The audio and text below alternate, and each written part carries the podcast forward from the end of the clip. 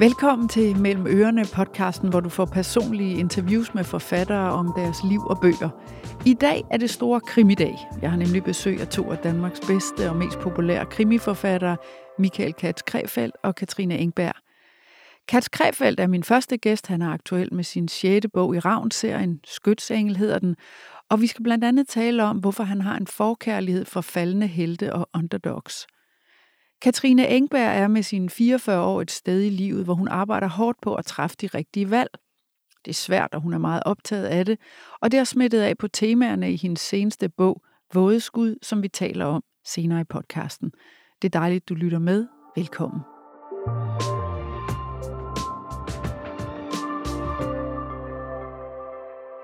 Velkommen, Michael Katz Jo, tak skal du have. Ved du hvad, jeg tænkte på dig i morges, fordi jeg var ude og gå konditur, og mm-hmm. det var mhm. jeg klokken halv syv i morges, og det var så mørkt. Øh, og jeg plejer at gå en bestemt rute, hvor jeg blandt andet skal gå af sådan en sti, en hundeluftersti. Ja. Og den, kunne jeg, den turde jeg faktisk ikke gå på i morges, fordi den var meget mørk og næsten ikke oplyst. Jeg tænkte, den holder jeg mig lige fra. Så jeg gik hen over den i stedet for på sådan en bro. Ja, det er fornuftigt, synes Og så kiggede jeg ned på den og tænkte, uh, godt, jeg ikke skal derned ja. her til morgen. Men så kørte der sådan en gravko fra kommunen, der var oplyst. Mm. Så det hele var sådan ret uhyggeligt faktisk. Og jeg tænkte, gud, kan jeg vide, hvad den gravko egentlig laver? Ja. Og så kom jeg til at tænke på, hvis nu jeg havde været dig, eller du havde gået der, vil den scene, sådan en mørk hundeluftersti, kun sporadisk oplyst af en gravko, der graver ja. klokken halv syv om morgenen i buld og vintermørke, vil den kunne have været afsat for dig til noget? Er det, er det, er det sådan en situation, der kunne give dig en idé til en krimi? Jeg synes, det lyder spændt. Altså, jeg synes, det lyder spændt, men ellers jeg synes også, det er sådan æstetisk flot. Altså, jeg, jeg kan godt lide sådan noget, når det også er sådan æstetik. Altså, jeg synes jeg allerede, der er jo historie i det der, så det er jo ikke sådan, hvor jeg tænker sådan, gud, nu skal den grave, og så kommer der et lig eller sådan et eller andet. Det var det, eller, jeg tænkte. Ja, eller nogen, der, der ryger ud fra busken og sådan noget. Men jeg synes, den der, ja, den der sti og det der, og nogen, der graver, og det der lys der, der kommer sådan... Øh, Ja, det synes jeg sådan, i sig selv lyder som sådan en ret filmisk ting. Jeg elsker, sådan, jeg elsker når, når altså, jeg prøver at skrive sådan meget filmisk Øh, det kan jeg jo rigtig godt lide, øh, at danne de der små film op i folks hoveder, ikke? og mine læsers hoveder. Så, så det kan jeg, men jeg ved, ikke lige, hvad, jeg ved ikke lige, hvad der skulle ske. Altså, Nej, det kan du øh, så tænke over til næste det, bind. Ja, jeg tager idéen, det lover men, men er det sådan, det vil fungere for dig, at du vil komme gående, så vil du se noget, måske det her scenarie, mm. måske noget andet, og så er det det, der er, hvad skal man sige, tændsatsen for dig, eller er der slet ikke noget typisk mønster i, hvor dine bøger starter hen? Jo, men jeg tror meget tit, så bliver det mere, så kan det være en, øh, øh, en, en, en indignation over et eller andet tema eller sådan nogle ting. Jeg synes mere, at det du snakker om nu med, med den her, det er mere sådan en stoflighed, jeg leder ja. efter. Og det er i virkeligheden langt senere i processen, når jeg sidder og skriver. Det er sådan noget, når jeg typisk er i gang med, og måske endda har fundet noget plot og fundet nogle karakterer, så kunne det godt være, hvor jeg tænker sådan, gud, jamen, hvad sker der lige i det her område? Øh, klokken halv syv om morgenen. Ikke? Fordi det kan man ikke rigtig google sig frem til. Man kan google sig til mange ting, men det der med ligesom, altså, så jeg har jo et stort behov for at komme ud, hvis jeg ved, det er, det er en morgenscene, der sker eller andet der. Og så ville jeg jo synes, det var, ej fedt, der er en gravko, og der er det der lys der, og måske var der også noget, noget tog, som, som, som ligesom reflekterer som lidt, lidt, lidt, uh, lidt rimfrost her, og lidt der. Altså, du ved, så det, det der, det, det, men så vil jeg nok, jeg tror, jeg vil lede du... efter den der stoflighed, så, så alle følte, at de ligesom var derude, og, og øh, kunne mærke kulden ned i lungerne og se sin egen ånde og sådan nogle ting. Altså sådan nogle ting vil jeg sådan kigge på. Ikke? Men du vil som udgangspunkt være startet et andet sted. Og, og, og hvis vi nu snakker om skytsengel, ja. øh, vil du så ikke bare lige helt kort fortælle, for, forklare handlingen, så kan vi lige snakke om, hvor den er opstået hen. Ja, okay, det kan vi godt. Altså, den, det er jo en, øh, en, en, en, uh, endnu en, en ravn krimi. Ja, nummer 6 uh, i rækken. Ja, 6 i rækken, ikke? Ja. Og øh, jeg har jo sendt ravn på uh, ud at sejle så han har været op ad Svenskerkysten og, og er på vej tilbage. Det vi ved, fordi den, den starter ligesom med, øh, op ved Frelserkirken ude på Christianshavn, øh, hvor der er en øh, attentatmand, der ligger og, og sigter ned på folk øh, med en riffel øh, og prøver at, at finde ud af, hvem han skal skyde. Og her er også nogle af Ravns øh, gode venner iblandt dem her. Øh, og vi ved, at der er i hvert fald en af dem, som er blevet ravnt. Så mm. når Ravn han kommer tilbage, så er det til et kæmpe kaos og til, øh, til politi og, og, altså, og, og ofre rundt omkring på gaderne og sådan noget. Og sådan en bydel, som jo ellers er, øh, altså Christianshavn er jo normalt altså meget romantisk Med og kanalerne og, kanalen, og... og det er jo om sommeren, så, så alt burde jo være godt. Han har glæder sig jo helt vildt til at komme tilbage. Men så, ender, altså, så kommer han bare til, til, tilbage til det her, hvor det bare ligner altså, Ragnarok. Dan, Dantes Inferno, ikke? Altså virkelig et ja. helvede, og skal finde ud af, hvem er det? Hvem, er der nogen af, af dem, jeg kender, som er, er blevet, blevet ramt, ikke? Ja. Og i næste omgang, så bliver han jo også, kan vi jo godt afsløre, involveret i at finde gerningsmanden. Ja, fordi det er jo en gerningsmand, der, øh, der ikke stopper ved det. Øh, Så, så han planlægger jo også et nyt attentat, øh, så, og, og Ravn bliver involveret af sådan lidt ad omveje, som det jo normalt altså, sker i en Ravn Ja, bog, han bliver jo Så- altid trukket ind mod, lidt mod sin truk- vilje. Ja, så det, han bliver jo lidt trukket lidt ind i det, ikke? men sådan, også igen, det er, jo en, det er jo en personlig ting også, øh, fordi, det vil jeg også gerne afsløre, det er, det er simpelthen Johnson, øh, den, den gode gamle værtshusejer, som er, som er blevet ramt og, i hovedet da, og, og ligger i koma og, og, og, ja, og Ja. ja. svært såret. Ikke? Så, så det, bliver også en meget, det er også en meget personlig historie, det er en meget personlig del af Ravn, som vi får i den her, øh, øh, den her fortælling. Ikke? Og ideen til den her bog, Ja, hvor kom den fra? Øhm, den kom faktisk af, at jeg sad nede på... Jeg er jo tit ude på Christianshavn, og øh, så sad jeg sådan en morgen og drikker min kaffe nede ved kanalen, og så kan jeg jo så igen høre altså, øh, øh klokketårnet, eller klokkerne fra, fra Frelsertårnet, ikke? Og de spiller jo, altså jeg kan ikke lige huske, hvad de spiller den morgen, men de kan spille, altså, de kan spille alt fra Grundtvig til, til Kim Larsen, ikke? Altså, så, og det er jo, fordi det er, et meget folk, altså, det, det er en meget folkelig kirke derude, og hvis man er derude, så kan man jo, så kan du stort set fra hvilket som helst sted på Christianshavn, kan du se det her, det er Frelsertårn, Snoet, flotte Ja, snoet med himmeltrappen deroppe, Ja. ja. ikke? Og, og den lille Jesus-figur ovenpå, og så videre. Så, så, så det er jo bare, at det er jo sådan et ikonisk, hvis man skulle tage et billede af Christianshavn, så skulle man jo, så var det, så var det den, man skulle have med, ikke? Øh, Og, og ja, og klokkerne, der klimter og så videre.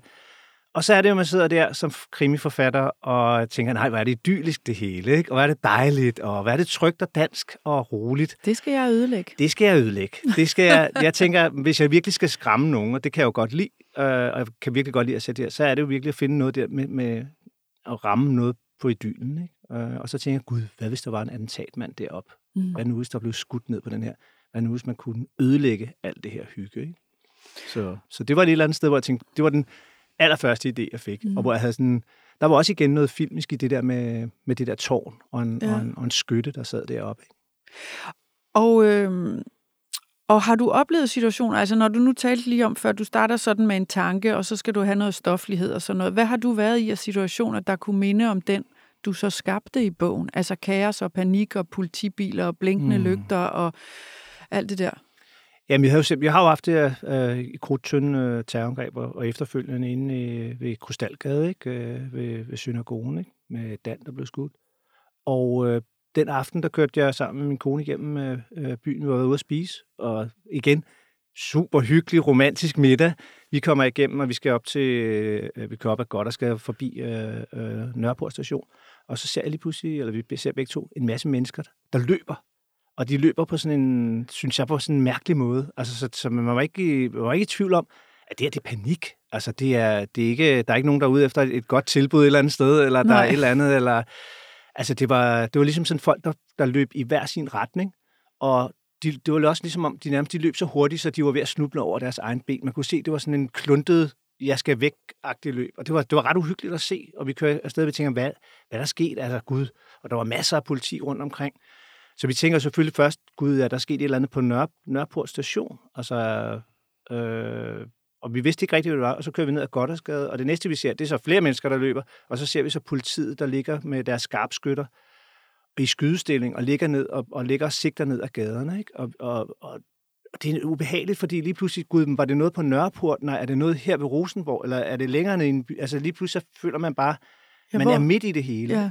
Modsat, hvis du ser det på tv, så er der altid en eller anden form for narrativitet i det, at gud, der er sket noget, nu kommer ambulancen, nu, altså så, så er der sådan en eller anden, der er sådan, journalister har en god måde til at ligesom på en eller anden måde at, at føle os trygge. Altså vi får det formidlet på den Det rigtige bliver sat måde. ind i en, en fornuftig Ja. sammenhæng, ikke? Her er det ja. bare kaos, Ja. hvor vi er bare midt i det hele. Ikke? Og, og vi var så meget midt i det hele, at vores taxichauffør går i panik og stopper midt i det hele og vil ud af sin egen bil. Ikke? Og vi siger til ham, det- go, go, go, vi skal videre, videre. Øh, og vi skulle så øh, 300-400 meter længere ned ad gaden, hvor vi bor, og, og, og op der. Ikke? Og så kunne vi så få vores lejlighed, kunne vi så sidenhen følge, hvordan den her by bare bliver lukket af, og så hvordan gader bare bliver lukket af, og der bliver lavet politiafspærringer. Så for at gå fra sådan noget, der er fuldstændig panik, så er det bare en spøgelsesby. Ikke? Ja. Og så kan, man så, følge, så kan man jo så samtidig følge med på nyhederne om, om det der menneskejagt, der så går i gang ikke? Øh, efter gerningsmanden. Og- Så alt sådan noget har jeg jo prøvet at få, få med ned i. Og, der begy- og det var egentlig ikke, det var ikke mit udgangspunkt, at jeg ligesom skulle sige, gud, nu skal jeg fortælle den her øh, oplevelse, jeg har haft. Det var et eller andet sted, jeg havde den her anden idé, netop at sige, gud, det kunne være interessant med den her antagenmand. Og så da jeg begyndte at skrive det, mm. så kom alle de der ting, og så tænkte jeg, gud, nej, hold op, det har, det har jo virkelig fuldt, det har, det har jo virkelig, det har jo virkelig gjort et stort indtryk på mig, siden jeg, jeg stadigvæk har, har sådan en klar, ja. øh, hvad hedder sådan noget, tanke omkring det, ikke? Eller, ja, og et behov for det, sådan Jeg huske det så tydeligt, ikke? Ja. Øh. Vi skal lige høre et klip fra lydbogen, mm. som er læst op af Thomas Guldstad. Og vi kommer ind, hvor gerningsmanden er i gang med sit første skudattentat. Han ligger som sagt op i Frelserkirkens tårn på Christianshavn i København. Og han er ikke i godt humør. Nej. Det lyder sådan her. Med et hurtigt ladegreb sendte han en ny patron i kammeret. Han sænkede riflen, mens han sigtede ned gennem dronningens gade. Da han nåede antikvariatet, holdt han riflen stille. Braget fra det første skud havde fået de to kvinder til at stoppe op ved bogkasserne. Den gråhårede kiggede mod torvet, hvor der lød skrig. Han sendte et skud efter hende. Dernæst endnu et efter den gravide. Panikken bredte sig, og folk flygtede i alle retninger. Han skød sporadisk ned mod dem. Alle de små lorte mennesker. Da han havde tømt sit magasin, satte han hurtigt et nyt i. Krudtrøgen hang tungt omkring ham, og ved hans fødder lå de tomme patronhylstre og glimtede. Han vendte riflen i retning af kanalen. Her var det ikke gået op for folk, hvad der var sket på torvet og i de tilstødende gader. Et par af gæsterne foran værtshuset havde rejst sig og spejtede i retning af Christianshavns torv. I det samme viste værtshusejeren sig i døren. Ham, der til syneladende var så skide sjov. Han pressede fingeren mod aftrækkeren. Han skulle give dem alle sammen noget at grine af. Din gerningsmand, han er soldat. Ja. Og han er, har været afsted øh, udsendt flere gange. Ja. Og er nu tilbage i Danmark med posttraumatisk stresssyndrom. Øh, Hvorfor har du valgt ham som hovedperson? Altså, hvis du var så påvirket af den mm. nat med, med i Krystalgade og ved Krudtønden, øh, så kunne du have valgt en terrorist. Ja. Men det er en ja. dansk soldat, der ja. ligger og skyder vildt omkring sig. Hvorfor det? Jamen, jeg var, jeg var ret sikker på, altså, øh, da jeg ligesom fandt ud af, at det skulle være en attentatmand, så tænkte jeg sådan lidt, jamen, så begyndte jeg at, at researche på, på nogle af alle de her gale, gale folk, der er skudt både herhjemme i, i Danmark, men også øh, helt klart i, i udlandet, og især, især i USA. Og jeg begyndte og ligesom se, hvad er psykologien bag det her? Altså er det sådan, at skal man være islamist, eller skal man være øh, højre ekstremist, eller venstre ekstremist, eller hvad ved jeg, miljøforkæmper, eller i, i en helt øh, utræret øh, udgave? Øh, og så fandt jeg et eller andet sted ud af, at, at det er lidt de samme mekanismer. Altså det der med at blive indoktrineret, det, det er først noget, der sker, eller radikaliseret, det er jo først noget, der sker efter, at man ligesom har mistet den der form for øh, menneskelighed, eller... Øh, og der fandt jeg ud af, at, at det er der en eller anden det, de har til fælles, alle de her mennesker, det er, at de føler sig ekstremt udenfor. Mm. Altså, de er ikke sammen med os. Altså, der, det, den, og den, det synes jeg var et eller andet sted enormt interessant at sige, hvad, hvad er det, der sker med sådan en person? Hvordan kan et menneske blive skubbet så langt væk fra resten af samfundet, at han kan føle sig, øh, det er typisk mænd jo, øh, kan føle sig mindre værdig, kan føle sig så meget af, og, og føle, at man skal have så meget oprejsning igennem den her ekstreme handling. Ikke? Ja. Øh, og det synes jeg var interessant, og derfor havde jeg ikke lyst til, at det skulle være en, en islamist, fordi så synes jeg hurtigt, det blev dem og os. Så jeg havde et eller andet sted brug for at tænke sådan, gud, nej, det værste ville jo et eller andet sted være, hvis det var en mand, vi jo selv havde uddannet som soldat, og som vi et eller andet sted godt kunne sige, at var en, en, i hvert fald en eller anden form for dansk held. Og det synes jeg var interessant, hvis man kunne sige, så synes jeg, der er på en eller anden måde en samhørighed med det her. Øh, og jeg, jeg har jo stor respekt for, for dem, der bliver sendt ud. Øh, jeg tror også, det, det kan være svært at sige, hvor, hvad man lige slås for nogle gange, det, kan, det hører jeg jo også ikke fra, fra, fra dem, men, men jeg synes jo, det, jeg synes, det er interessant et eller andet sted, at man, man, man sender nogle, nogle folk ud. Jeg synes jo også, jo mere jeg researcher på det, øh, fandt jeg jo så ud af, at, øh, at det er 10 procent, der kommer skadet tilbage, og det synes jeg var et voldsomt tal. Ikke? Ja. Så. Og når du så vælger din gerningsmand her, og det univers, han lever i, og det, han har været ude for, eller det liv, han havde, da han var i Afghanistan blandt ja. andet, hvor han jo var øh, en virkelig dygtig skarpskytte. Præcis, ja. Øh, den research, altså hvor begynder du den henne? Ja, men det er sådan lidt, altså i virkeligheden så begynder den jo ved de gale, ved de gale skytter. Altså, fordi det er jo det, der interesserer mig. Øh, der, hvor jeg så, så begynder det så at blive noget med, at jeg skal finde ud af, om hvem har våben, hvem, hvem kunne være i en tilstand, hvem kunne have haft en eller anden form for påvirkning, hvem kunne have været udsat for noget, der kunne være traumatiserende osv. Og så begynder det sådan langsomt at blive, hvor jeg tænker, der, det, det kunne faktisk godt passe meget godt på en, på en, en, en voldsomt skadet veteran, ja. vil jeg jo sige. Ikke? Ja. Øh, øh, så, så det er sådan et langsomt gravearbejde. Ikke? Men er du afsted også at tale med nogle af de soldater, der er kommet hjem, og som har det rigtig skidt, eller veteranforeningen, eller hæren, eller... Altså, hvem... Er der nogle mennesker af kød og blod, du, du ligesom sætter dig over for, øh, og drikker kaffe med for at høre, hvordan deres virkelighed er? Nej, for jeg har ikke lyst til, jeg har ikke lyst til at det bliver sådan en personlig historie i forhold til, øh, at det skal være en, en, en sådan en case story med en, med en veteran, der er gået jeg, jeg har prøvet at lede efter øh, mange forskellige typer. Øh, her, her i Danmark har vi jo ikke haft nogen, der er gået direkte ud og lavet sådan et terrorangreb. Men vi har haft, vi har haft forskellige sager med, med, med familietragedier, ikke? og hvor det jo typisk er det der, at man slår nogle af sine nærmeste ihjel, og så begår man selvmord. Ikke? Så det er jo sådan en, en sådan, nærmest en suicide proxy ting, ikke? Ja. Uh, hvor, hvor det er... Øh, øh, og den voldsomhed har jeg jo sådan let efter, ikke? Øh, og, og kigget efter, ikke? Så, og så har jeg så prøvet at finde ud af, hvad er det, man så gør? Altså, hvad er, hvad er forskellen fra, da, da vi havde udsendt til Kosovo, altså som ligger så langt tilbage, og til hvad vi har nu, hjælp, altså hvor, hvor øh, hjælper man mere nu, end man gjorde dengang. Ikke? Og der er, jo helt, der er jo helt klart, der er også sket en holdningsændring i og blandt soldater. Det? Jeg synes, der er, sket, jamen, der er helt klart sket en holdningsændring, fordi det, man gør nu, er jo, altså, eller dengang, hvis man kom hjem og sagde, jamen, jeg har det skidt, ikke? så blev man lidt, lidt en, altså, var man lidt en tøsdreng, ikke? Og den holdning er der jo ikke længere, vel? Altså, så, så, så, er der, så er der jo så noget med omkring ressourcer og så videre, ikke? Øh, som, som jeg tænker, der, der kan sikkert godt formidles, altså bemidles mere, ikke? Øh, ja.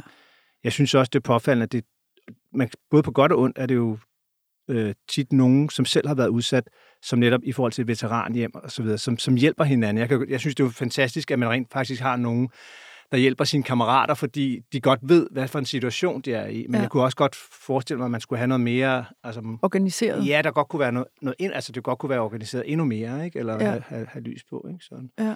Og så måske også tage stilling til at sige, jamen, og når vi ved, der kommer 10 procent tilbage, som virkelig er skadet, så skal man måske også passe på med, hvem man sender ud, og hvor mange man sender ud, og om er det virkelig så vigtigt at komme ud der, ikke? Eller ja. kunne, man, kunne, man, kunne man redde verden på en anden måde, eller, eller stanse konflikter rundt i verden på en anden måde? Det, det ved jeg jo ikke, men, men det, det er jo sådan nogle ting, som jeg tænker over, når jeg sidder og skriver det i hvert fald. Ja. Ikke?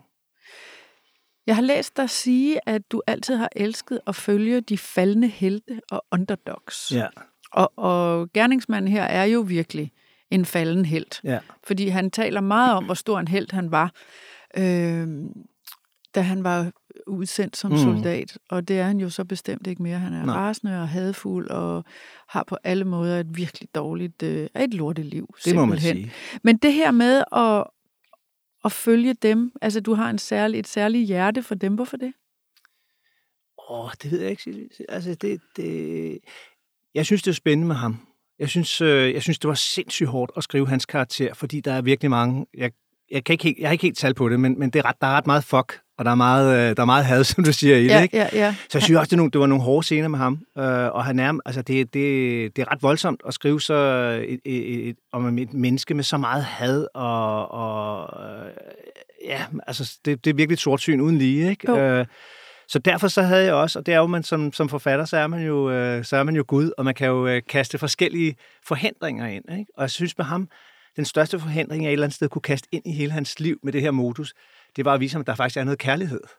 Og derfor så øh, lader jeg ham for, forelske sig i en, øh, i en stripper.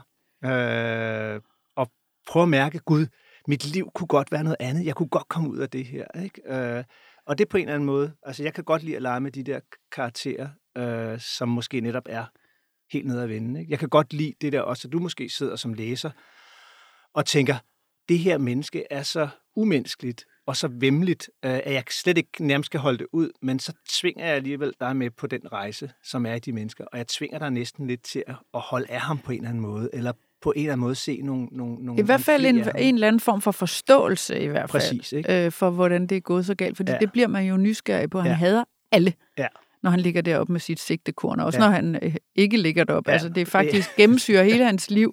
det, Det, det er bare had. Ja. Men når du nu selv, for jeg forudsætter ikke, at du øh, står op og spiser had til morgenmad og Nej. fortsætter dagen ud.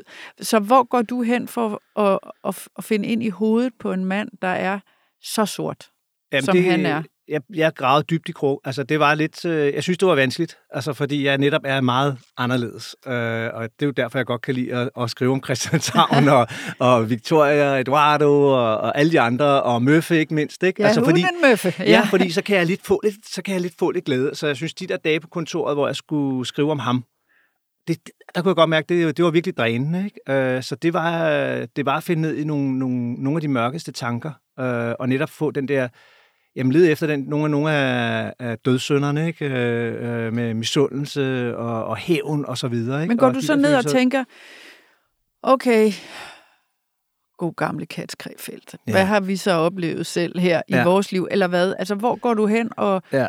og øser Jamen, det gør jeg for noget mig op selv. af tankene? Jo, jo, altså, jeg trækker jo på mig selv. Jeg trækker, han er den sorteste udgave af mig. Han er den mest hadefulde. Han er den mest øh, øh, hævngærige af mig. Ikke? Han er den der, ej, det er sgu også de andres skyld, og hvorfor, du ved, altså, og så siger jeg jo bare gang tusind, ikke? Ja. Og det er lige den der proces med gang tusind, som, som, øh, som kan være, ja, som jeg synes, jo, det- jeg synes, det må, den har været udmagrende at skrive. Kunne din kone godt mærke på dig, når du kom hjem om aftenen, om du havde, om du havde været inde i hovedet på det, er gerningsmanden? der, det, åh, det ved jeg ikke rigtigt om hun. Altså, øh, jeg håber, altså, jeg, det plejer at stoppe der, ikke? Sådan, men, men jeg, jeg kunne godt mærke, at der var noget, noget efterslæb på det. Og nogle gange så kunne jeg også, den der man tænkte, ej, hvorfor, er, du, ah, hvorfor går jeg sådan lidt småtrist, ikke? Øh, og så sådan nogle måneder efter, da jeg så begyndte at redigere det, fordi så, er det, så tager jeg jo ligesom sådan, så bliver jeg jo redaktøren, så går jeg, får jeg jo ligesom en andet perspektiv, så tager man jo sådan lidt op i noget helikoptersyn. Og så nogle af de der scener, så, så kunne jeg godt, så ramte de mig ikke på samme måde, som da jeg sad midt i det. Så kunne Nej. jeg godt tænke, ah, okay, det, det var, der var en grund til, at man måske lige var lidt, lidt, lidt, var lidt deprimeret den dag, man skulle sidde og skrive det her, fordi hold da kæft, det er jo virkelig, øh, det er virkelig, vi virkelig nede i noget af det sorte, ikke? Ja. Men jeg kan jo godt lide de pensler også, altså jeg kan godt lide de farver, og, og, og male med dem også, ikke? Øh, For jeg ved jo også godt, det, øh, det har noget dramatik, og det har også noget, hvor Jamen, man... altså hvor man, drive. Altså, der er masser af drive i det, ja. men jeg synes også, at man får det ned i et lag. Det er også, jeg synes jo, det er dejligt at møde nogle personer, som man måske ikke nødvendigvis er enig med i. Og, og, og måske også nogle gange så oplever du nogle personer, som er ekstreme, eller måske endda grænseoverskridende, hvor de, altså, hvor de rykker på nogle af dine grænser, måske endda på en ubehagelig måde. Men når man så ligesom sådan kommer hjem, så har det jo trods alt været en oplevelse, ikke? Øh, hvor man tænker, "Nå, men så har man ligesom fået et syn på, på et eller andet her. Ikke? Ja, man, man sidder i hvert fald 100% og Ja. hæpper på, at han bliver fanget, for han Ja. skal holde op med alt det der med Ja. at kravle op på tage og skyde efter folk. Ja, det må man sige. Øh, og, og, og jeg tænker, altså når man skriver kriminalromaner, så tænker jeg, at der er sådan et ret afgørende valg, man skal træffe, fordi skal læseren gå foran fra begyndelsen og vide, hvem gerningsmanden er. Sådan mm. er det Mm. jo i Skytsengel. Mm. Altså, jeg ved fra starten, det, det er ham her, jeg, altså, her ja. Ja. ligger han, øh, jeg får at vide, hvem han er. Eller skal man ligesom gå bagved, og Mm. gå bag ved raven og Ja. politiet, ja. og ikke vide overhovedet, hvem de leder efter. Hvad afgør for dig, om læseren er foran eller bagved? Kan du følge mig? Sagtens. Altså, øh, øh, Fordi der er jo, der, der, der er jo ja. Virkelig, altså, der, er jo gode, altså, der er fordele ved begge dele. Ja. Så hvad, hvordan finder du ud af, hvilken af modellerne du skal vælge? Jamen, jeg, synes, jeg, prøver, jeg tror også, jeg blander det lidt sammen i virkeligheden, ikke? så jeg lader dig jo vide noget. Øh, og så, øh, er det, så ved jeg jo godt, i det, at jeg har lavet dig vide noget, så bliver det jo ikke sådan en whodunit-krimi til at starte med. Altså, så bliver det ikke, og det er jo sådan en type. Ja. Øh, så det bliver det ikke. Men, men så bliver det noget andet. Og jeg ved jo så godt, hvis jeg ligesom har sagt til dig, om det er dem her, der har gjort det, så har jeg jo sådan lidt afmonteret noget. Og så ved jeg så godt, at jeg skal ligesom på en eller anden måde overraske dig alligevel, fordi ellers så vil du heller ikke vende sider eller, eller lytte videre. Fordi så, altså, så jeg ved jo bare, at hvis jeg går ned ad den ene vej, så skal jeg stadigvæk have nogle, nogle, nogle, nogle, nogle twist øh, undervejs i, i plottet til, til ligesom at stadigvæk at, at, at fange interessen. Ikke? Så det er heller ikke sådan, hvor jeg tænker, det ene er bedre end det andet, eller, eller sådan egentlig ikke, vel? Nej, giver det bare sig selv for dig? Ja, det gør det. Hvad, hvad for Øh, en af dem, du vælger? Ja, men jeg tror egentlig, jeg er meget på det der, altså, at jeg vil jo enormt gerne ind i hovedet på de her gerningsmænd. Så derfor skal vi faktisk kende dem fra starten. Ja, vi skal i hvert fald kende noget ja. af den, men det er ikke nødvendigt. Vi, skal, vi må gerne kende gerningsmænden, men, men vi skal ikke nødvendigvis kende bevæggrunden, eller den, det plot, eller den intrige, der er. Den, den vil jeg jo gerne gøre mystisk for dig. Ikke? Ja, Øh, og det lykkedes også.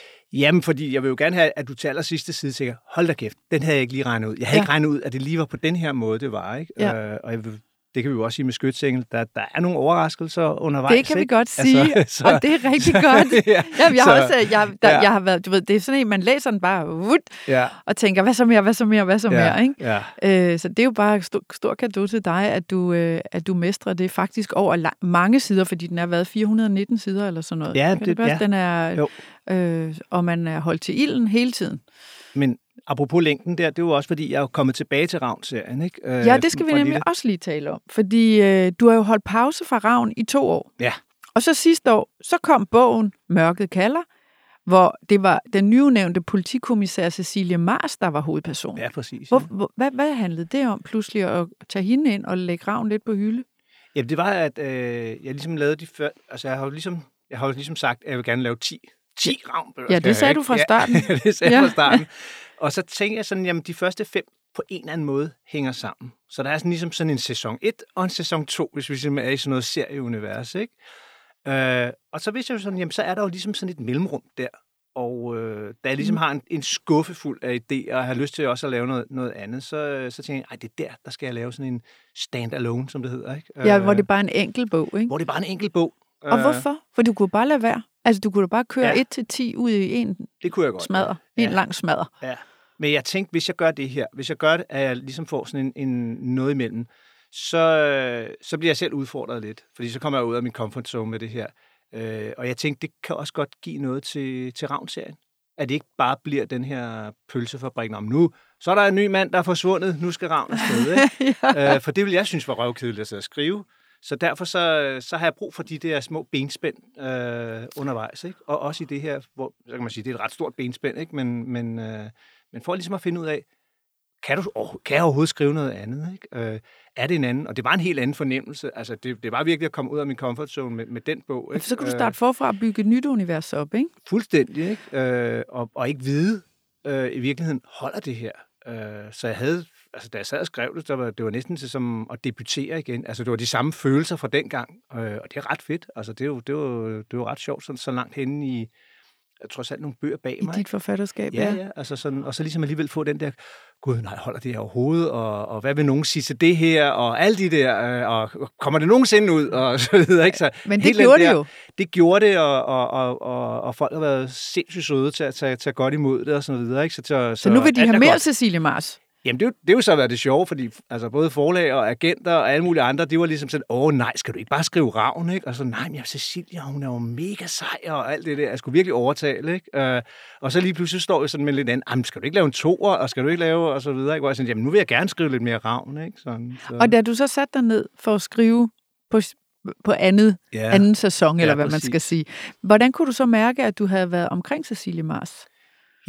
Jamen, meget, meget udvendt, fordi så tænker jeg sådan, Nå, så kommer der måske en, så bliver det måske lidt mere finurligt, eller skarpt, eller sådan et eller andet, ikke? hvor jeg tænker sådan, og i virkeligheden så var det sådan lidt, nej, jeg er hjemme, og jamen, så skal vi jo også høre om Eduardo, og vi skal jo høre om Belinda, og ej, vi må heller ikke glemme Victoria og, og, og lille Murphy, hvad med ham, hvad er der sket med ham nu, og sådan, så, så det, jeg tror faktisk også, øh, altså uden at det blev sådan en, en, en, sådan en fluffy eller lidt fed bog, så blev det bare en bog, hvor vi også lige får Altså, den, jeg havde sådan en, en, en sådan fortælleglæde omkring, at øh, når vi skal også lige, altså, øh, Eduardo og Belinda, de, nu er de jo blevet gift, så selvfølgelig skal de jo have et barn. Altså, Ja, så, du, du, du var simpelthen nødt til at polstre den lidt jeg ekstra var- med familiehistorier. Ja, jo, fordi jeg synes, det var... Øh, og, og selvfølgelig fik vi også den der frygt med netop, når, når noget terror sker, ikke? Altså, så, så på den måde prøver jeg jo også at få alle karakterer i spil til, til de her, ikke? Øh, men det var da helt klart den der fortælling, at sige, "Nå, hvad sker der lige på båden der, og hvad sker der over på, i, i antikvariatet og så videre, ikke? Og øh, en glæde over også netop, jamen nu, nu er de jo gravide, og nu skal vi så følge Lille Svend, ikke? Som, og det er jo Ja. næste bog, altså, så, så der er den der, så jeg, jeg fornemmede bare, da, da jeg kom tilbage, så havde jeg selv fået sådan en ret stor øh, fortælleglæde i forhold til, hvad sker der med mine, øh, mine, mine hovedpersoner, ikke? Øh, Og det var sådan set det, der var meningen. det var det, der var meningen, ja. ja. ja. Så vil jeg bare spørge dig selvfølgelig afslutningsvis, øh, hvor langt er du så med nummer syv i Ravn-serien? Nu tager du ikke flere svinkeærner, før Nej. du har skrevet de 10, eller hvad? Det, Det kan det, kan, ikke- det kan man ikke vide. Nej, man kan ikke vide nej. det. Det synes jeg, det, det er det dejlige. Altså, så jeg har, øh, jeg har jo næsten lige afleveret den her, øh, og der har været ret kort produktionstid, og øh, så jeg, er sådan, jeg skal lige trække vejret igen. Øh, jeg har nogle idéer til, til bog 7, ikke? Øh, det Ja. har jeg. Så jeg har også en til Cecilie, hvis det skulle være. så, så, Ja. øh, så jeg vil sige, lige nu der går jeg sådan lidt og, og, og tumler lidt med, øh, hvor skal vi hen? Nå, men det vil vi glæde os til Ja, at ja. se, hvor vi skal hen næste gang. Øh, jeg ved, du er på en større signeringstur rundt i hele Danmark, så den vil jeg jo, Jo, jo. starte med at ønske dig øh, rigtig god tur Jamen, det er så sjovt, jo. rundt i landet. Ja. Men held og lykke med både det ene og det andet. Jo, tak. Tak fordi du kom. Tak fordi man kom.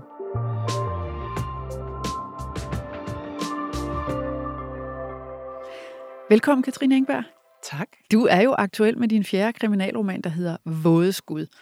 Og skal vi ikke for nye læsere simpelthen lige starte med handlingen? Bare helt kort. Hvad handler den om?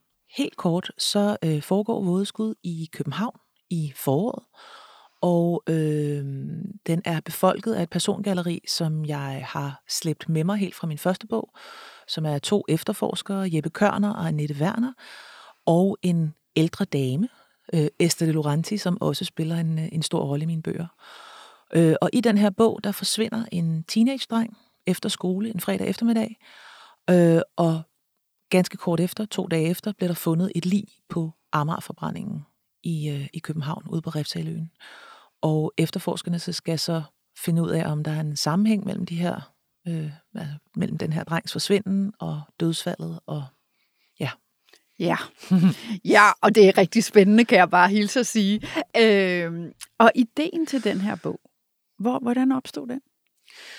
Øhm, altså man siger, generelt, nu, nu tør jeg godt at sige noget lidt generelt om, hvordan jeg arbejder, fordi nu har jeg alligevel skrevet Ja. ja. fire bøger. Ja, du har ret til ja, jeg, må, jeg må godt lidt nu. Ja. Også selvom jeg kan mærke, jeg må tilstå, at jeg kan mærke, at det er en, lidt en ny proces hver gang.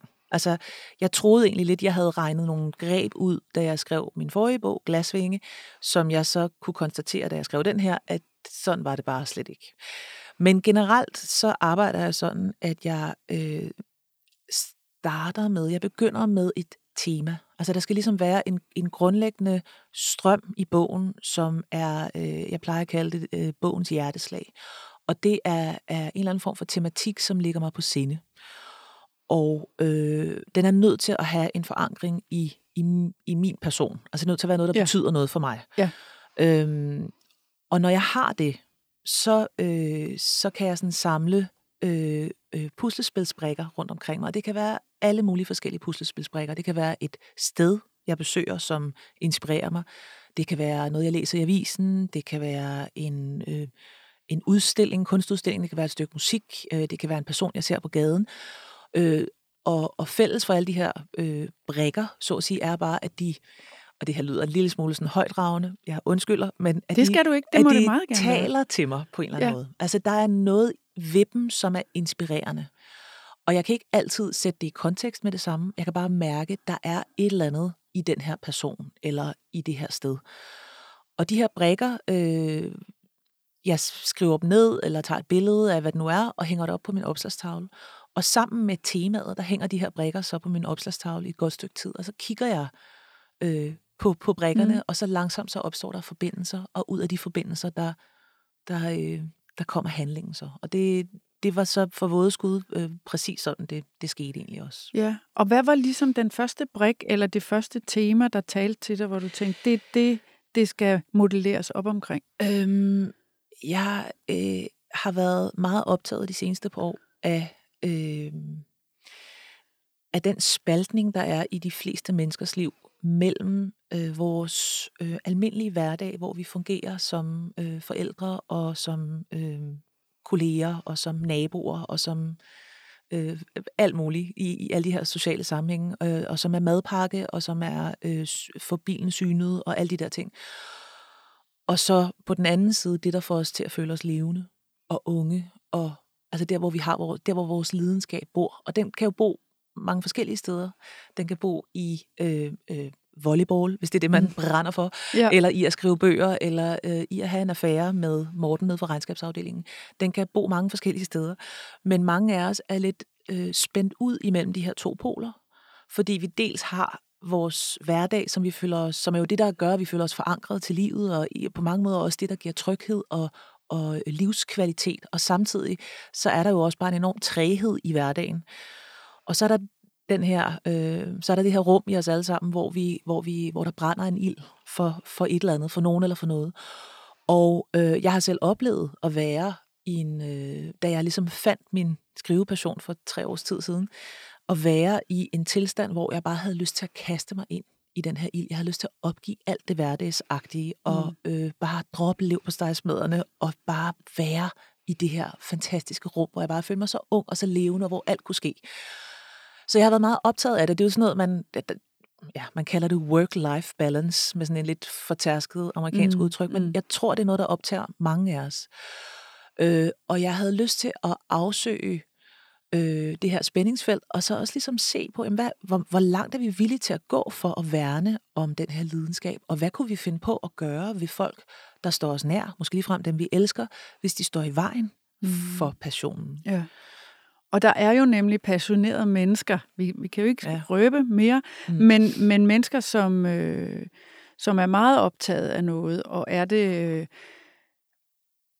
også på en usund måde, kan man vel godt sige. De bliver, altså de, jeg har ikke sagt for meget, når jeg siger, Nej. de bliver jo faktisk farlige Jamen, af det. Og i virkeligheden, så tror jeg, at hvis jeg sådan kigger rundt, så på, på, bare på min egen bekendtskabskreds og på mig selv, så er mange af os øh, optaget af vores arbejde i en næsten sygelig grad. Ikke? Altså, hvor vi, altså, fra den branche, jeg kommer fra i hvert fald, øh, er der helt klart sådan en kultur, hvor øh, Altså jeg danse-koreografbranchen? Ja, ja. Og, men i virkeligheden sådan måske hele den kreative branche, hvis man kan sige sådan noget. Det er et underligt begreb. Men, men, men underholdningsbranchen, lad os kalde det ja. det, øh, hvor har det altid været øh, fuldstændig øh, øh selv sagt, eller sådan noget indlysende, at man godt kunne sige, jeg kan desværre ikke komme til det bryllup, fordi jeg har det her store show eller et eller andet. Ikke? Altså sådan, arbejdet kommer bare altid først. Og fordi mange af os, altså de, vi, vi er så heldige at få lov at lave noget i den her eftertragtede branche, og vi er, vi er selvstændige, man ved aldrig, hvornår det næste job kommer, så, man, så arbejdet går ligesom først, og det bliver en, en kæmpe del af vores identitet. Ja. Øh, og derfor så forsømmer vi meget af mange af de nære relationer. Ikke? Jeg læste faktisk et interview med dig herop til øh, i dag, at du ikke kom til din meget gode venindes, var det mors eller mormors? Mormors begravelse, ja, ja. som jeg havde et forhold til også. Ja. ja. Og hvor du sagde, jeg burde have været der. Ja. Jeg skulle danse, så jeg sagde, jeg kommer ikke. Ja. Er det sådan en brik, der også ligger i dig, som, som har været med til, at det så er det, der er lidt af temaet i den her bog også? Ja, helt klart. Ja. Øh, og det er jo også, tror jeg, sådan en af de erkendelser, der, der kommer øh, med alderen, at, at øh, jeg kan jo ikke længere huske, hvad det var for en job, jeg havde den dag. Det er jo fuldstændig perfekt og ligegyldigt, og de penge, jeg tjente på det, har jeg for længst brugt og glemt. Men jeg var der ikke. Jeg var ikke til bedstes begravelse, og bedste betød noget for mig, og det ja. havde betydet rigtig meget for min meget, meget nære veninde gennem 30 år, at jeg var kommet, og det gjorde jeg ikke. Øh, så, så ja, altså det, det, det er helt klart noget, jeg, jeg, jeg selv har, har levet øh, i meget høj grad med, ja. og faktisk stadig gør. Altså jeg synes hele tiden, jeg, at jeg befinder mig i det der mærkelige spændingsfelt mellem det, jeg øh, har lyst til, fordi det kæler for mit ego, eller hvad det nu er, og det, der i virkeligheden giver noget næring sådan, øh, ja. ind efter. Ikke? Men jeg tænker også, det er noget, man måske bliver mere opmærksom på, og også bedre til at administrere, øh, jo ældre man bliver. Altså man måske faktisk bliver et bedre menneske, jo ældre man bliver. Kan du følge mig? ja. Eller et mere hensynstagende øh, menneske, eller hensyntagende, eller øh, gør så klart, at begravelser betyder noget. Altså når du er 18, Helt så klart. gør, er det slet ikke gået op for dig, Præcis. at det kan betyde noget. Og jeg øh. elsker, at du siger det på den måde, og jeg er helt enig. Man bliver et bedre menneske med alderen. Ja, det tænker så, jeg, man gør. Men jeg tror faktisk også, jeg tror, det er lige nu, vi skal nyde det, fordi på et tidspunkt tror jeg faktisk også, det kommer over, og så bliver vi dårligere mennesker igen, fordi så bliver vi låst i vores forestillinger, og så stivner vi i dem. Ej, jeg ved det ikke. Øhm, man håber, man kan holde sin man, hjerne cementfri. Ja. Er det ikke det? Jo, men altså. jeg synes allerede, jeg mærker ansatsen til cementhister her, hvor jeg tænker, ej, sagde jeg virkelig det? Åh, oh, nej. Men jeg tror, du, jeg synes, du har fuldstændig ret, og det er jo helt klart, at når man er ung, så har man, så har man jo barnligt selvoptaget på en måde, som man forhåbentlig fralager sig i løbet af sit liv, når man også i takt med, at man selv får familie og sådan noget, så, så udvikler man sin empati. Og så sker der jo også noget med os, når vi begynder at miste vores forældre. Mm. Altså så forstår vi jo for alvor, at tiden er knap, og at det, der virkelig betyder noget, det er, hvem der kommer og besøger en, når man bliver gammel, og altså, du ved, at holde fast i sine venner, og holde fast i de mennesker, som elsker en, fordi så mange er der ikke af dem.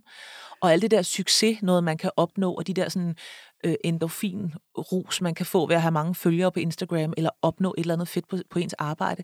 Det er også dejligt, og det er egopleje, og det skal der også være plads til, og det er jo arbejde, det er jo, vi tjener penge osv., men det er, er, er små, kortvarige øh, øh, rushes. Noget? Rushes, ja, lige ja. præcis. Ikke? Men det tænker jeg også kræver en vis alder, før man for alvor både forstår det, men så også handler derefter, ja. faktisk. Ja, ja. Altså, og, jeg, og jeg, prøver at høre, jeg øh, kæmper med det. Ja. Altså, fordi jeg ligger jo også under for hele det her uha og min karriere, og nej, og nu ringer de fra der og der, og det siger man vel ikke nej til, og så videre. Ikke? Bare fordi min søn har en opvisning øh, du ved, øh, ja. hvad ved jeg, der er afslutning på skolen, og han skal synge med i koret eller et eller andet.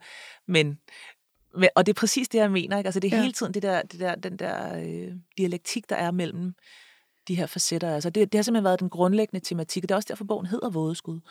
Øh, fordi et vådeskud er en, en fejltagelse, der gør utilsigtet skade. Ja. Og det er sådan ligesom de der, de små, de små øh, svigt, som, som kan udløse den store katastrofe. Ja. Vi vender tilbage til de her ting, fordi du faktisk øh, hvilket jeg ikke øh, har set før, øh, stiller nogle spørgsmål til dine læsere ja. bag i bogen. Ja. Øh, og et af den, de spørgsmål, du stiller, vil jeg bede dig om selv at svare på. Men jeg vil lige øh, gå lidt ned i din, hvad skal man sige, din værktøjskasse. Ja. Fordi der er jo det med dig, at, at det er altid i København. Øh, og hvorfor egentlig det? Fordi der er jo nogle forfattere, som synes, jo mere de kan flytte location fra bog til bog, jo flere bolde har de at spille med. Pludselig er de i Rom, og så øh, kan det lyse tilbage på handlingen og give dem flere fede muligheder. Og sådan noget. Ja. Du er ligesom i København. Ja. Hvorfor det? Øhm, og jamen, ikke, at der er noget galt med det, fordi nej, du men... har taget os rundt på en skøn tur, både til vand, til lands og i luften i vådeskud. Men, ja. men hvorfor egentlig kun København? Øh, Indtil videre kun København i hvert fald. Nå, ah, så lagde du en lille, lille teaser. Øhm, jeg, jeg, jeg, jeg, bliver, jeg bliver ofte spurgt, øh, og jeg bliver ofte spurgt af folk uden for København, hvorfor skal det hele foregå i København? Og jeg forstår godt spørgsmålet, virkelig. Øh, grunden til, at det indtil videre har været sådan for mig, er, at jeg er nødt til at skrive øh, ja, igen, en lille smule placeret, øh, men indefra og ud efter. Øh, når man laver kommersiel litteratur, som jeg gør. Jeg skriver kommersiel litteratur, og jeg er stolt af det. Så kan man... Altså, hvad betyder det? Litter... Jamen, det betyder, altså, det bare, det at du skriver en... for at tjene penge? Eller? Nej, men det betyder bare, at det er en genre øh, med nogle konventioner, og det er øh, bøger, der sælger. Altså, øh, jeg, jeg, jeg sælger bøger. Jeg skriver ikke øh, til en meget, meget smal skare, jeg skriver til en, en bred skare. Ja. Og det, det ved jeg jo godt. Og jeg får meget feedback fra mine læsere. Det betyder ikke, at jeg skriver for at tjene penge, men jeg er bare så velsignet, at mine bøger sælger. Jeg har heldigvis mange læsere, og de læsere melder jo også tilbage til mig, hvad de synes. Men og... man må jo også, jeg siger bare lige, ja. man må gerne skrive bøger for at tjene penge, og man må gerne være glad for sin succes. Altså man siger, jeg har siger i hvert bare? fald, ja, men jeg har jo altid øh, øh, set det som en, et, øh, en kæmpe øh, hedder sådan noget, en, en hæder, at jeg er så velsignet at have mange læsere. Ja. Altså jeg synes, det er en fantastisk stor ære, at ja, der er mange mennesker, der gider at læse mine bøger. Ja. Så det, det er kun noget, jeg er stolt af. Jeg er ja. godt klar over, at andre ser på en anden måde. Det betyder Men ikke det var bare fordi, det ja. lød lidt som om, du sagde, at kommersiel litteratur, det lød som noget, man lidt skulle skamme sig over. Det vil jeg bare sige, det synes jeg bestemt Nej, det er godt. Nej. Det, det skal du ikke skamme dig over. Jamen, ja, det gør jeg bestemt Nå, det er ikke. godt. Nej, ikke på nogen som helst måde. Men det, jeg vil sige, var, at, at når man gør det, og har ligesom er i en eller anden form for dialog med sine læsere, så øh, kan man godt nå til et punkt, hvor man regner den ud, som jeg plejer at kalde det. Altså man ligesom finder en, en opskrift, som fungerer. Og så gentager man den opskrift. Og jeg, øh, inden for teaterverdenen, der er det noget, der bliver brugt meget hyppigt i revy, for eksempel. Også i musicals. Altså man simpelthen finder nogle greb, hvor man ved, hvis vi gør det her, så griner folk. Mm. Hvis vi gør det her, så klapper de. Altså, at man bare har de der... Det er jo håndværk. Og øh, det, det, selvfølgelig er der noget håndværk i at skrive en god krimi.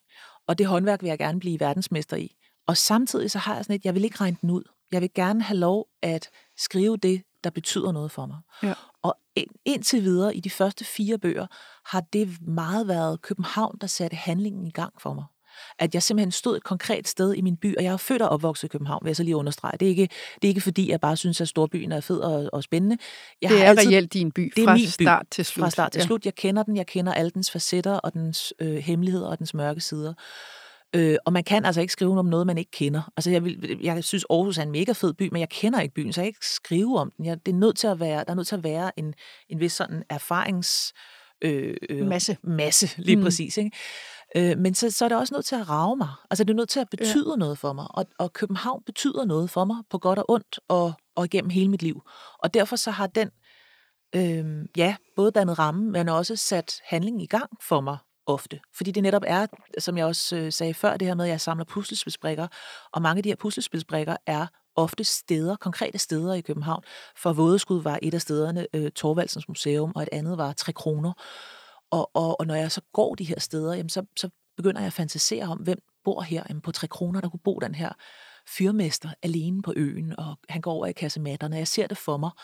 Og skriver det i din bog. for og er skriver det i min bog, Ja. lige præcis. Og så bliver det en københavnerkrimi, hvad enten jeg ved det eller ej. Og så er du også et meget øh, københavneragtigt sted, fordi en af de centrale locations ud af dem, du lige har nævnt, det er jo Amagerforbrændingen, Ja. som brænder hovedstadens affald af. Og vi skal lige en tur derud med dine to hovedpersoner, Jeppe Kørner og Annette Werner, for der er fundet et lig mellem alt skraldet, og det er selv, der læser op. Det kommer her. Tag de her dragter på. Sikkerhedssko og mundbind, inden I går ind i siloen. Luften er ikke egnet til at indånde, så gør det kort. Når I kommer ind, vil I se en lang spalte på begge sider af plateauet. De fører ned til ovnene. De er slukket nu, men er stadig meget varme, så hold jer på god afstand. Når I kommer ud, har vi desinfektionsmidler klar til jer. Annette tog imod to hvide bylder og rakte den ene til Jeppe. Normalt iførte de sig overtræksdragter for ikke at kontaminere findestedet, men her handlede det omvendt om at beskytte sig selv mod findestedets kontamination. Hun trak dragten på og spekulerede over, om hun nogensinde havde været så uhyggeligt et sted før. Foran hende ventede et sæt massive dobbeltdøre på at sluse dem ind i affaldssiloen til et område mellem de to ovne, der normalt brændte ved 1000 grader. Allerede herude var varmen ulidelig. Tanken om at gå ind i et endnu varmere, dunkelt og forurenet rum for at bese et dødt menneske var mere end ubehagelig. Godt man ikke var sart. Hun trak mundbindet på plads og tjekkede, at Jeppe var klar, åbnede døren og trådte gennem slusen ind i siloen. Annette kunne høre Jeppe gispe, da bølgen af glohed for rådnelse ramte dem, og måtte selv synke flere gange for at holde hovedet koldt. Langt under dem lå en verden af skrald, indkapslet af siloens solide metalvægge med kranførerummets vindue som eneste øje. Her var forbløffende stille, men stille som hos en brolægger, der tør sved af panden, inden han bulrer videre. Graben svævede over plateauet. Den krammede skrald i sin enorme favn og dannede sin egen runde klode i et uhyggeligt univers. En kraftig arbejdslampe var rettet mod den, og ved siden af stod en høj, tynd skikkelse, Annette genkendte som retsmedicineren Nybo, sammen med en anden skikkelse, der tog billeder. De var begge tildækkede som hun selv, og bevægede sig hurtigt og kropsøkonomisk.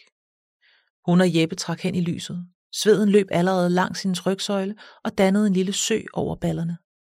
Hun modstod impulsen til at hive mundbindet af, så hun kunne trække vejret i bund, og kiggede i stedet på skraldet foran sig. Et slankt, hvidhudet menneskeben stak ud mellem dåser og pap. Portioner af skrald var gravet ud omkring benet, så man kunne ane en krop, en hals og et hoved. Hvad er historien bag dit valg af den her location? Altså, man svinger vel ikke lige forbi Amagerforbrændingen? Jamen, det gør man jo så. altså, jeg har gået og kigget på det her byggeri, som jo er blevet sådan en slags varetegn. Det ligger derude på Refshaløen, og man kan se det fra ret mange steder i Københavns Havn.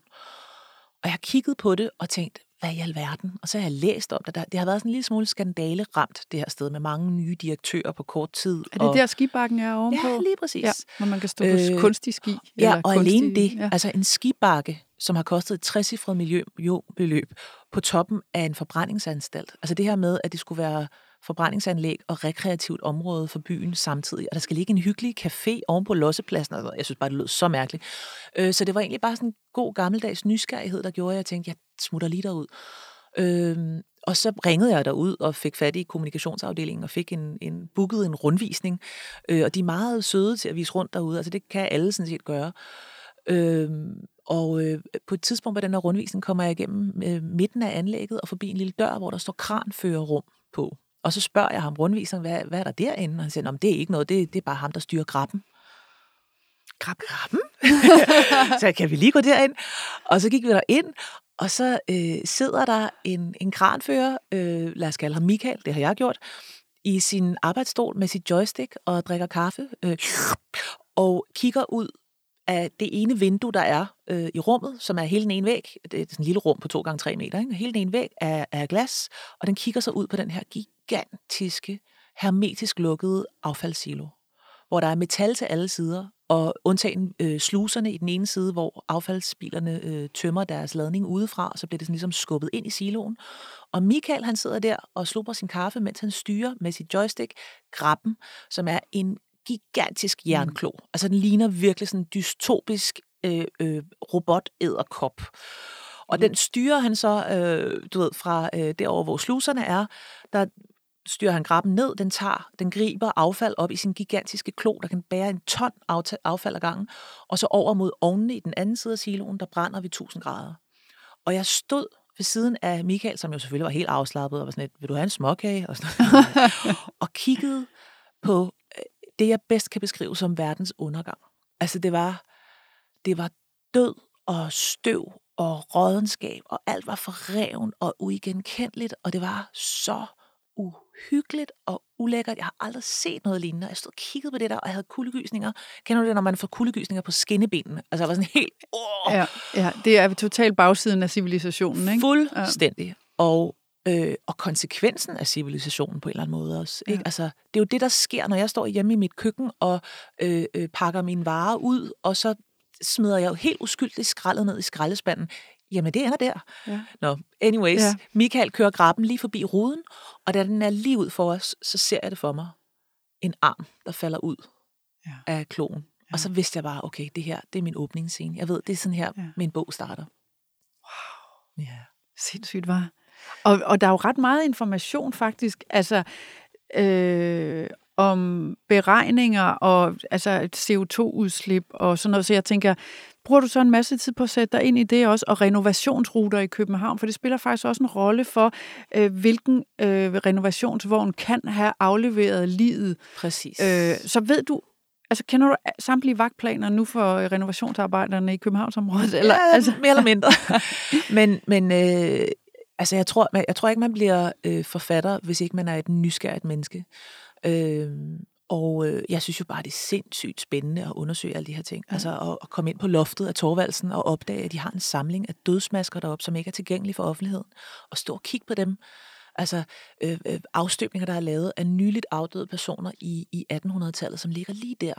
Og i små hatteæsker gemt væk op under tagstenene. Sådan nogle ting, det er sindssygt spændende. Øhm, og, jeg, og jeg synes egentlig, det er ikke fordi, jeg skriver, ikke, jeg skriver egentlig ikke videnskabskrimier overhovedet, men jeg synes, det er, mm. er, er fedt, at man får noget med sig, som ikke bare handler om øh, en biljagt og et parteret lig, og var det ham eller ham, der gjorde det, men at der rent faktisk er noget på spil, som både måske kan spille på nogle sådan følelsesmæssige strenge, eller på altså, øh, nogle eksistentielle spørgsmål, men også at man bliver klogere, I guess. Ja. Ja, og det ja. synes jeg også er en stor kvalitet ved den, fordi jeg tænkte også, gud, så ved jeg noget om det. Ja. Udover at jeg var meget, altså jeg, var, jeg, jeg har nærmest bare læst den, du ved, i et langt stræk, fordi jeg tænkte, hvem har gjort det? Ja. Hvem har gjort? Det, det er, jo også det, det, er jo ja, også det, det, man skal. Det er men, en forudsætning. Men jeg kunne tænke mig så at vende tilbage til, øh, til det der øh, med dine spørgsmål sidst i bogen. Fordi ja. du stiller cirka 10, tror jeg, spørgsmål, og et af dem lyder sådan her. Overskriften er spørgsmål til diskussion. ja. det er meget sødt, det tænker ja. er sådan lidt ligesom i skolen, så kan man sidde og, hvad skal vi tale om? Ja. Øh, så spørger du sådan her. Der er flere temaer på spil i bogen. Forfald og ungdom, kunst, penge og passion, forældreskab blandt andet. Hvilket er det vigtigste? Hvad for et af dem her er du selv lige nu mest optaget af? Men jeg er, jeg er meget optaget af, øh, hvor, at det, det her med, hvordan får vi vores liv til at hænge bedre sammen? Altså hvordan netop sådan forældreskabet øh, versus passionen, versus karrieren, versus venskaberne. Altså hele den her sådan balance, der er i vores i øvrigt meget privilegerede liv i den her del af verden, hvor vi selv får lov at vælge. Men hvad gør du så? Fordi det, det var, Ja. jo, det var jo, som du sagde øh, ja. Tidligere, nemlig det der med, at man bliver klogere, eller man har truffet nogle forkerte valg, eller man skal holde fast ved dem, der elsker en, og dem, der ja. Ja. virkelig betyder noget for, for en selv også. Altså, hvor langt er du så i dine erkendelser, eller hvor dygtig er du blevet til at få Og jeg synes, jeg er balance? mega langt i min erkendelse, og ikke så langt i min implementering. Altså, kan man Mm. sige det sådan? Ja, altså, men så, teorien kommer jo ofte før praksis. Ja. Er det ikke sådan og samtidig der? så kommer teorien meget længe før praksis. Øh, jeg, øh, Men hvad gør du? Ja. Altså, hvis man er helt sådan lavpraktisk. jeg hvad- siger nej til ting for første gang i mit liv. Altså, som sagt har jeg været freelancer hele mit liv, og når man er freelancer, er man rigtig dårlig til at sige nej. Så er man simpelthen til falds for smiger og en flaske rødvin. Øh, Fordi man skal holde sig i loopet, man og skal man holde sig i loopet, og man skal lige præcis være gøre sig synlig, og mm, jeg har sikkert også øh, lidt af det, øh, man kalder FOMO, altså er man simpelthen bange for at gå glip af noget. Fear of missing out. Lige præcis. Øhm, og nu er jeg øh, ved at lære mig selv øh, værdien af at sige nej, fordi der er noget, der er vigtigere. Og jeg, når jeg siger nej, altså, mener det, altså jeg siger nej til karrierefremmende ting. Hvad kan Øh, det være? Jeg har lige sagt nej til at lave et interview med Spansk El, fordi de ville komme til København i næste uge, og jeg har øh, lovet mig selv, at fra på mandag, der holder jeg fri resten af året. Jeg har haft et sindssygt hårdt efterår, og meget apropos den her snak, nået et punkt, hvor jeg følte mig udbrændt. Altså øh, mistede lysten til alting. Sådan virkelig lige på randen af en eller anden form for vinterdepression. Og jeg har lovet mig selv, at fra den 6. december, så vil jeg øh, ikke lave mere øh, presse og rejse og noget som helst, så vil jeg bare skrive og holde jul.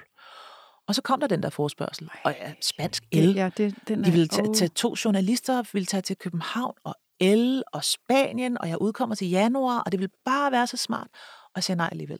Og det er jeg faktisk lidt stolt af, fordi det ville... Men det var en af de ulige, ikke også? Ja, det var nemlig en af de ulæge. Uh, den var svær. Ja, ja der var det kan jeg godt forstå. Ja. Øhm, så, så sådan nogle ting prøver jeg at gøre og øve mig i. At, Ja. ja. at, at der også, altså, Men prøvede du ikke at flytte dem til januar? jo, kan I selvfølgelig gjorde jeg det. januar? Men det kunne de ikke, men de kunne godt komme den 13. Og så sagde jeg nej tak.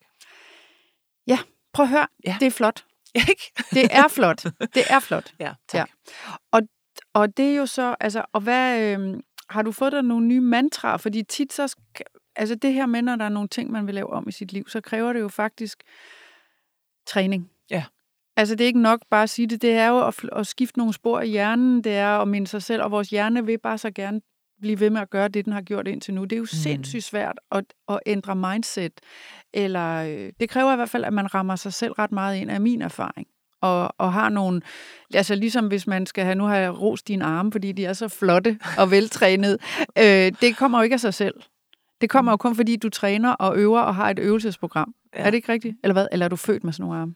Ej, jeg træner en gang imellem. Ikke så meget, som jeg havde håbet. Nå. Men det er bare for at sige, hvad, ja. Hvad gør du for sådan mentalt at hæppe på dig selv? Altså, nogen hænger en, en dims op på emhætten for at minde sig selv om. Nogen får en tatovering øh, på håndledet. Nogen gør, altså, det har du for Det eksempel. har jeg for eksempel. Hvad altså prøv at høre, det er ret vildt, at du siger det, Cecilie, fordi jeg har en tatovering på håndledet, for at minde mig selv om det her. Og det er den, jeg viser dig lige nu, som sidder under mit ur. Så hver gang jeg kigger på uret, så kigger jeg også på de tal, der står nedenunder. Prøv at forklare, hvad det er, vi ser her. Der står tre datoer på mit håndled under mit ur.